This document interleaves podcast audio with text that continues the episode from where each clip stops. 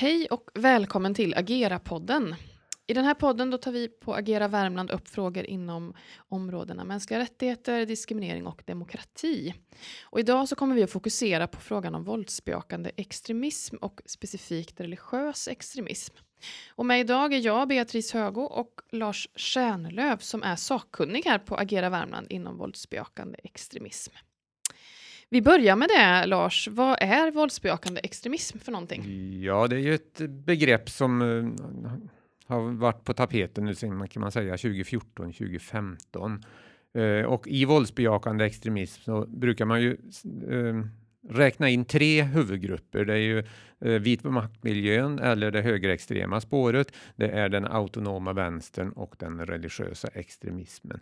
På senare tid har man också allt mer kopplat på den ensamagerande som en viktig kategori som kan finnas i, i vilken som av de här tidigare. Mm. Det här med, med våldsbejakande, liksom så, vad, vad innefattar det? Vad betyder just Ja, det skiljer vi oss ju lite grann i Sverige mot den eh, europeiska eller internationella kontexten. Där pratar man ofta om violent extremism, man tittar mer på våldet. Eh, våldsbejakande, det är ett lite vidare begrepp som ja, personligen så gillar jag det för att då kommer man också åt Eh, Eh, hatarna på nätet som är en viktig del för att trigga andra att agera. Det är inte alls säkert att den som, som eh, eh trig, eller hatar på nätet är den som utför våldet, men det är en viktig faktor. Mm. Och jag tänker också, för visst, och det kopplar lite till det här med sta, alltså statsskick och, och eh, alltså vad har man för mål? Det är väl också det man försöker komma åt med begreppen, alltså våldsbejakande extremism, att det också har ett som syfte att störta demokratin. Ja, pre ja precis, det är det ju. Det, är ju. det, ingår ju också i violent extremism-spåret, mm. men, men våldsbejakande handlar ju om att, eh, att utöva våld som i syfte att från ett religiöst eller ideologiskt perspektiv då, eh, ge sig på nationen eller staten som, och de demokratiska principerna. Mm. Och så fokuserar vi på religiös extremism eh, idag. Så vad, vad innefattar det? Vad innebär religiösa extremismen? Ja, det beror ju på när i tid man tittar. Om vi, om vi ser nu till senare år så har det ju väldigt mycket handlat om den islamistiska, militanta islamistiska extremismen.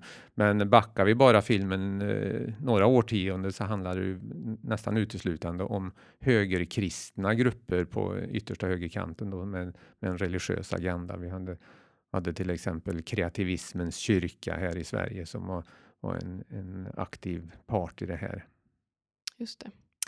Eh, och vi säger just religiös extremism. Ska du berätta lite varför vi, ja, varför vi säger det och eh, varför det är viktigt? Många, bland annat då Center mot våldsbejakande extremism, pratar ju om islamistisk extremism.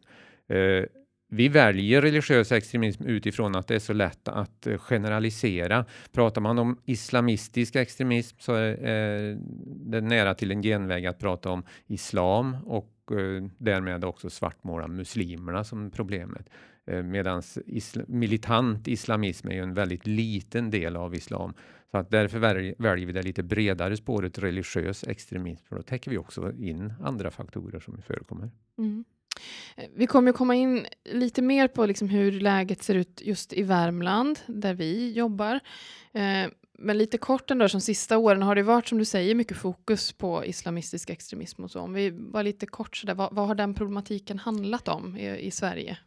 Ja, det kommer sig ur, eh, det startar ju egentligen i Mellanöstern med kriget i Syrien och eh, det så kallade kalifatet som Islamiska staten började erövra i Syrien och Irak. Eh, därigenom fick vi också då en resande problematik, det vill säga personer som radikaliserades, eh, gick in i den militanta grenen av islam och reste ner till krigszonerna. Eh, svenska medborgare som, som vi nu på senare år också har återvändare ifrån. Mm. Um, när vi är ute och pratar om de här frågorna så möter vi ju såklart mycket oro och frågor som rör, så att säga, vad, vad, är det som innefattas i liksom våldsbejakande extremismen här? Alltså vad, vad kan riskera utgöra då religiös extremism och sådär? Och, och här finns det på något sätt, det är viktigt att hålla isär vad som ingår och inte ingår. Kan du beröra lite grann, vad för frågor får vi och vad blir viktigt här att hålla isär ja, kring detta? Oft, ofta så blir det ju en slags sammanblandning med eh, hedersproblematiken och den våldsbejakande och det, det, Eh, Ehm, en olycklig koppling egentligen, för det behöver inte alls hänga ihop. Vi kan ha en, en utbredd hedersproblematik i ett område eh, utan att för den skulle ha våldsbejakande extremism och tvärsom. Eh, så att eh, för oss är det två separata spår. Jag tycker heder ska hanteras för sig och våldsbejakande för sig. Mm. Vad, vad, blir viktigt för att liksom kun, kunna hålla isär detta då? Alltså vad, ja, det, det handlar ju om kunskap, att upplysa om vad det egentligen handlar om. Att, eh, att titta på den våldsbejakande extremismen till exempel. Det här är ju ett helt annat syfte än heder. Heder är ju en familjesak eh, medan våldsbejakande extremism handlar, som vi pratade om tidigare, att kanske störta eller förändra i samhället. Mm. Eh, vi gjorde en kort tillbakablick ändå vad, vad det här eh, har för bakgrund i Sverige, de frågorna som vi jobbar med idag. Så om vi går till Värmland och ser eh, hur det ser ut med religiös extremism och har gjort under de senaste åren här nu när problematiken kring islamistisk extremism har varit rådande. Så vad, hur ser läget ut här? Ja, här är vi ju väldigt förskonade. Vi har ju en minimal problematik vad gäller resande eh, till krigszonen och vi har ju därmed också en, en väldigt liten problematik med återvändare. Sen har vi också eh, väldigt lite rörelse kring den här frågan i Värmland. Eh, det är ju, vi, vi för ju samtal med Säkerhetspolisen till exempel kring det här, för det är ju de som har den bästa kollen. Och eh, man säger därifrån att det är väldigt, väldigt lugnt när det kommer till just religiös och eh, specifikt islamistisk extremism. Mm.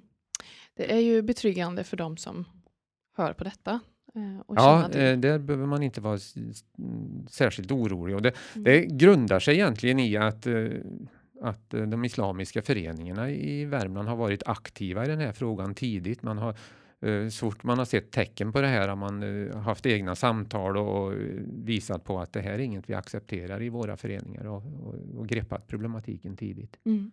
Jag tror det är där det ligger. Just det. Eh, om det nu ändå finns någon oro, det kan ju vara mm, signaler eller så som plockas upp i, mm, inom skolan eller inom någon fritidsverksamhet eller att det allmänt finns en eh, ja, funderingar eller oro kring detta eller man tänker sig och ser eh, något tecken man funderar på då som skulle kunna vara risk för religiös extremism. Vad, vad tycker du man gör då?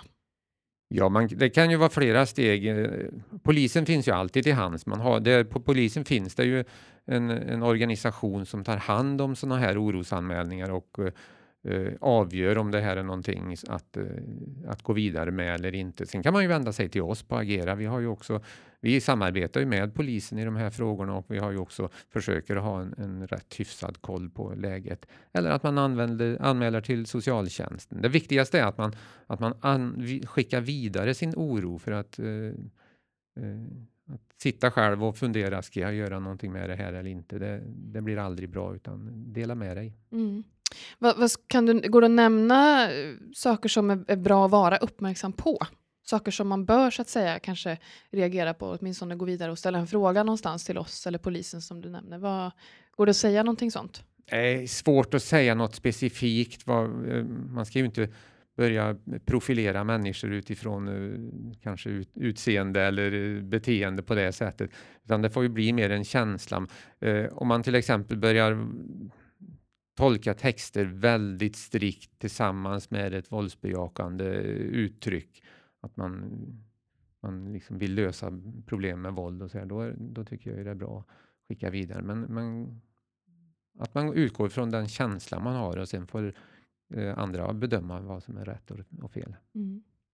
Vad tror du kring utvecklingen framåt kring just eh, den här delen inom våldsbejakande extremism religiösa? Vad, jag, vad ser du framåt? Ja, tittar man internationellt så, så vet man ju inte riktigt vad som kommer att hända i och med att uh, nu har man ju tappat den mesta av, av den fysiska marken i Islamiska staten och så vidare. Men det går ju, det tror man ju att uh, man kommer att bli någon form av gerilla eller terrororganisation uh, under lång tid framåt. Hur det kommer att drabba Sverige och specifikt Värmland det är ju svårt att säga men Eh, jag tror ju inte att vi kommer, vi, vi är inget, om man tittar på den, den val av, av metoder man har valt, det är ju terrorvapnet, och, vilket ju är väldigt skrämmande i sig. Men mm. det, i det ligger det också att man väljer väldigt strategiska mål, stora eh, mål som, som ger eh, ger mycket uppmärksamhet. Det var ju inte en slump att det var Drottninggatan man valde till mm. exempel i, i Stockholm. Så att för Värmlands del har vi ju inte den typen av mål eh, och i och med att vi också har en, en tradition inom den islamiska kulturföreningen att arbeta med de här frågorna. Så jag tror jag inte vi behöver vara särskilt oroliga här. Mm. Det känns betryggande. Um, och vi får se om vi får anledning att återkomma kring detta helt enkelt, om det händer inte minst saker i vår omvärld som blir värt Ja, vi tittar ju hela lyfta. tiden på om det, om det rör på sig. Mm. Mm. Och om det är som så att eh, ni har frågor kring religiös extremism eller våldsbejakande extremism så är ni såklart välkomna att höra över till oss på Agera Värmland. Och ni hittar kontaktuppgifter på vår hemsida ageravärmland.se. Då säger vi tack för den här gången. tackar.